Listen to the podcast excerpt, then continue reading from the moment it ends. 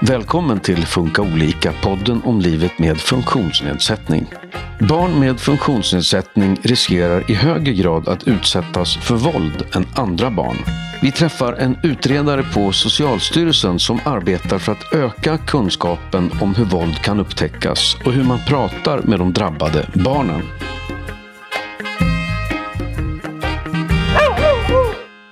Jag heter Susanne Smedberg och sitter här tillsammans med Ann Jönsson. Hej Ann! Hej! Du är utredare på Socialstyrelsen och har eh, varit med och tagit fram ett material för att öka kunskapen om våld mot barn med funktionsnedsättning.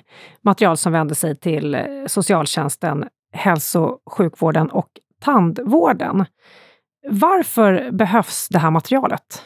Ja, precis som du sa här i inledningen så eh, löper ju barn med funktionsnedsättning en ökad risk att eh, utsättas för våld. Och eh, det är viktigt att personal i olika eh, professioner känner till det här och kan prata med barnen, att barnen blir sedda, lyssnade på och får det stöd och den hjälp som de behöver.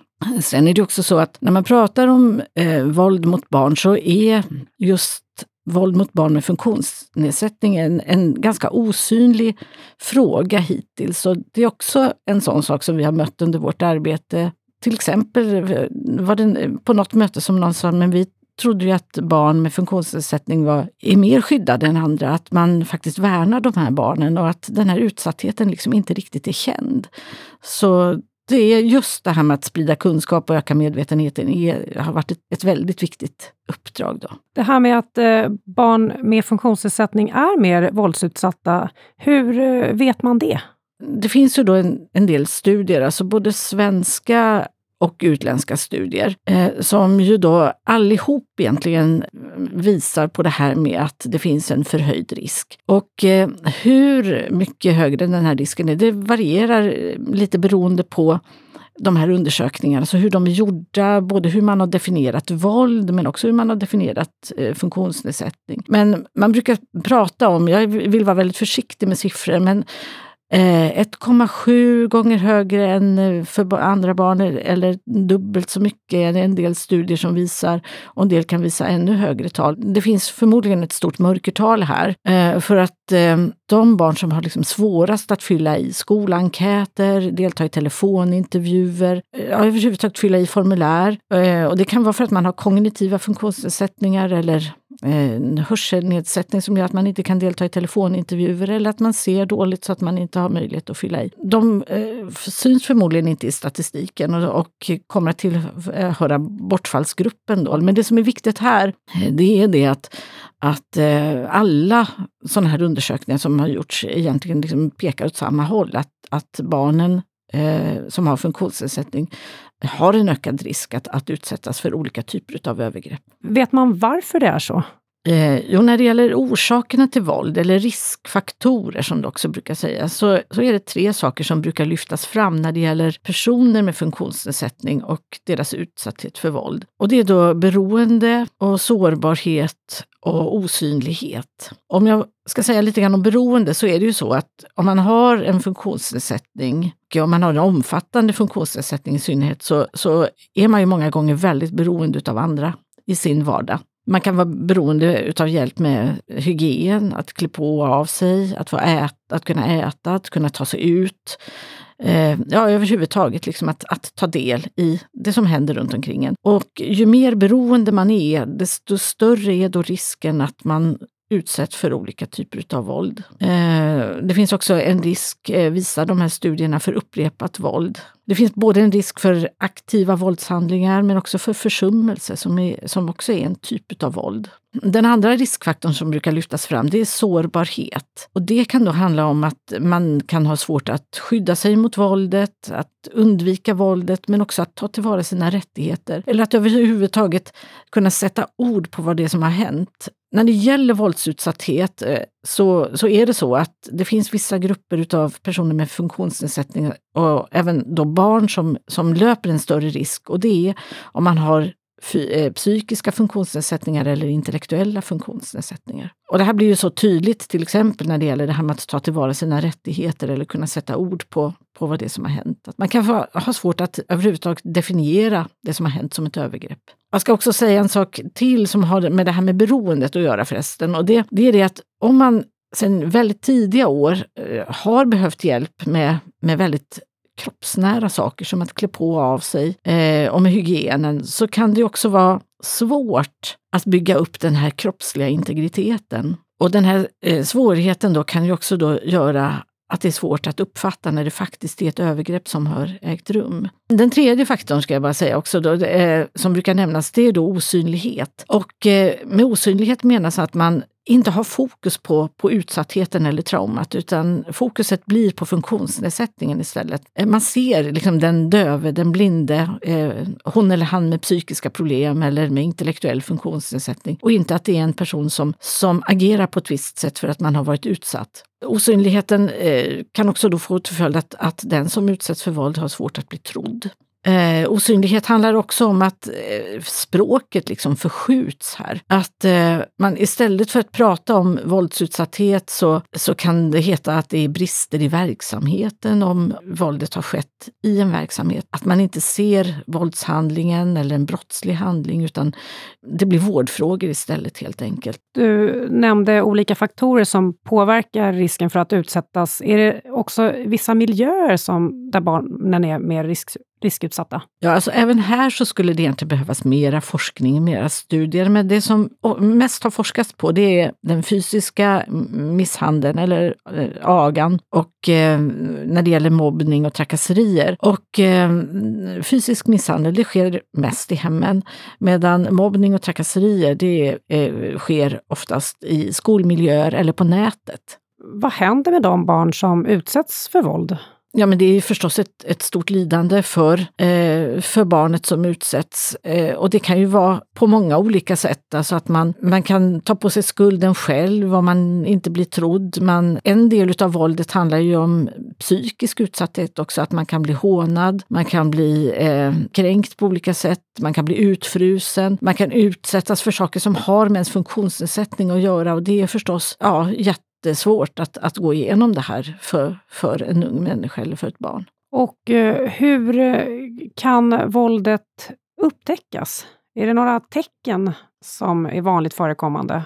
Ja, det finns eh, massor med olika tecken som kan tyda på eh, att barnet har blivit utsatt för våld. Och, och, det svåra här det är också det att det kan ju vara tecken på annat också. Men tecken som man kan vara uppmärksam på det är ju de fysiska tecknen som handlar om blåmärken, rodnader, frakturer. Sen finns det ju då ett antal tecken som tyder på stress utav olika slag, alltså magont, sömnproblem, ätstörningar, eller att barnet ändrar sitt beteende eller går tillbaka i utvecklingen, alltså mera tecken på att barnet mår psykiskt dåligt. Eh, sen har vi velat trycka på också tandvårdens viktiga roll i det här uppdraget, just för att tandvården träffar ju nästan alla barn i Sverige och har stora möjligheter att upptäcka våld. Eh, och tandvården är också anmälningsskyldiga till socialtjänsten om man upptäcker barn som far illa. Så att där finns det också då tecken som tandvården kan vara uppmärksam på och det kan ju då handla om sårskador, eh, frakturer eh, på käke och tänder,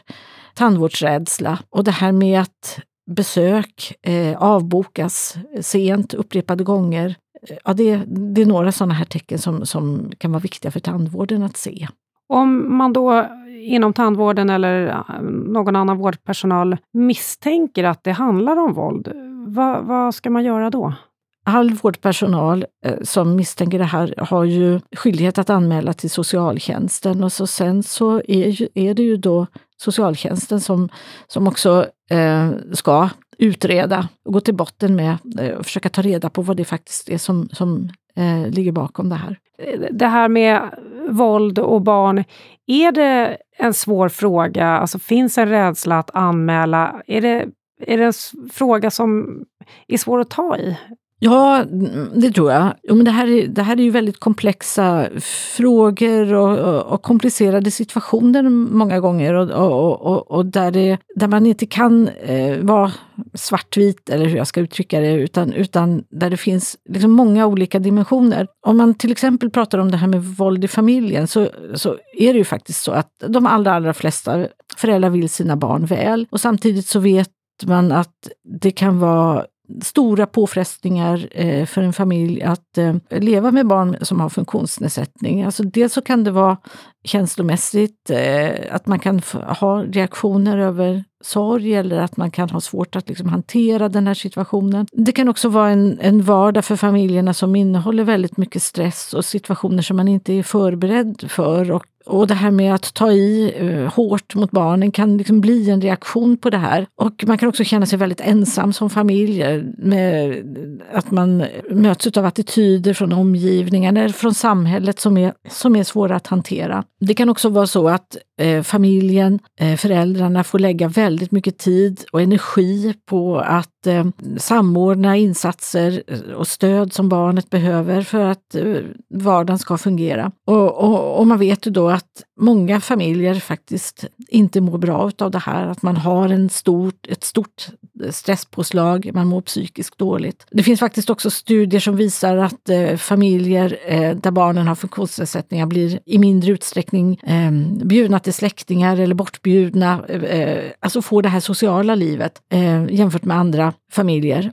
Och det är väldigt viktigt för personal inom hälso och sjukvård och inom socialtjänsten att, att tidigt möta familjerna för att kunna förebygga. Det är viktigt för eh, personal inom hälso och sjukvården att liksom våga ta upp det här med hur man reagerar, hur man liksom har det om man i sin vardag med barnet som har, eh, har en funktionsnedsättning och att också socialtjänsten är tidig med att erbjuda stöd för att många gånger så kan det vara så att när familjen sen söker insatser eller söker hjälp så kan det ha gått så långt så att det, det, är en akut situation. Och Det handlar om att vara öppen, att våga fråga, att våga ta upp det här och att också kunna erbjuda familjerna det stöd som, som man behöver för att få en, en vardag som fungerar. Och att också försöka hjälpa till så att inte familjerna själva får hela det här tunga ansvaret att, att samordna det som barnet behöver. Så att just det här med samverkan med, mellan olika